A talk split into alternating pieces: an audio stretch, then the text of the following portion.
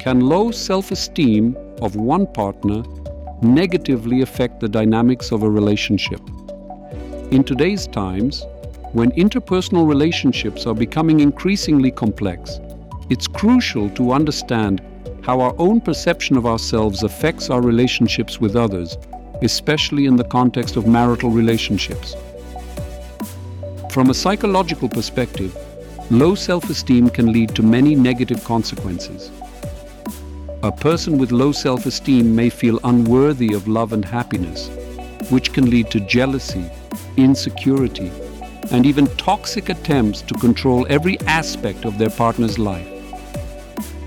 Such a person may also struggle to express their own needs and respect boundaries, leading to conflicts and misunderstandings not only in the relationship, but also with the wider environment the Bible teaches us about the value and dignity of every person.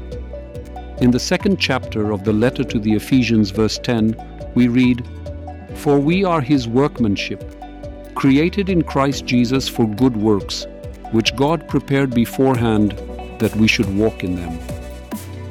This sentence reminds us that each of us is precious in the eyes of God and created for great things. This message can be a very powerful remedy for low self esteem, as it reminds us of our inner value and purpose that goes beyond our own limitations and doubts. To build a healthy relationship, it's important that both parties work on their self esteem. Working on oneself is not just an individual task, but also something that can be done together. As Solomon wrote in the 27th chapter of Proverbs 27, as iron sharpens iron, so one person sharpens another. In our context, this is a reminder that partners should support each other, help each other grow, and mutually motivate each other to be the best version of themselves.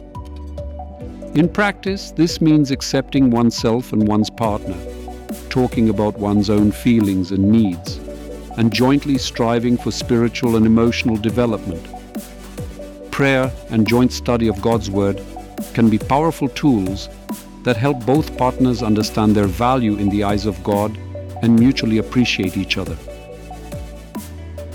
Low self esteem of one partner can indeed negatively affect the dynamics of a relationship. But let us remember that in Christ we have hope and the power to transform. Through mutual support, prayer, and trust in God, we can overcome these difficulties and build stronger, healthier relationships that reflect the love and value God sees in us.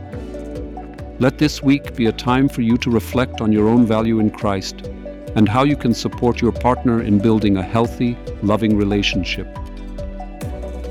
Amen.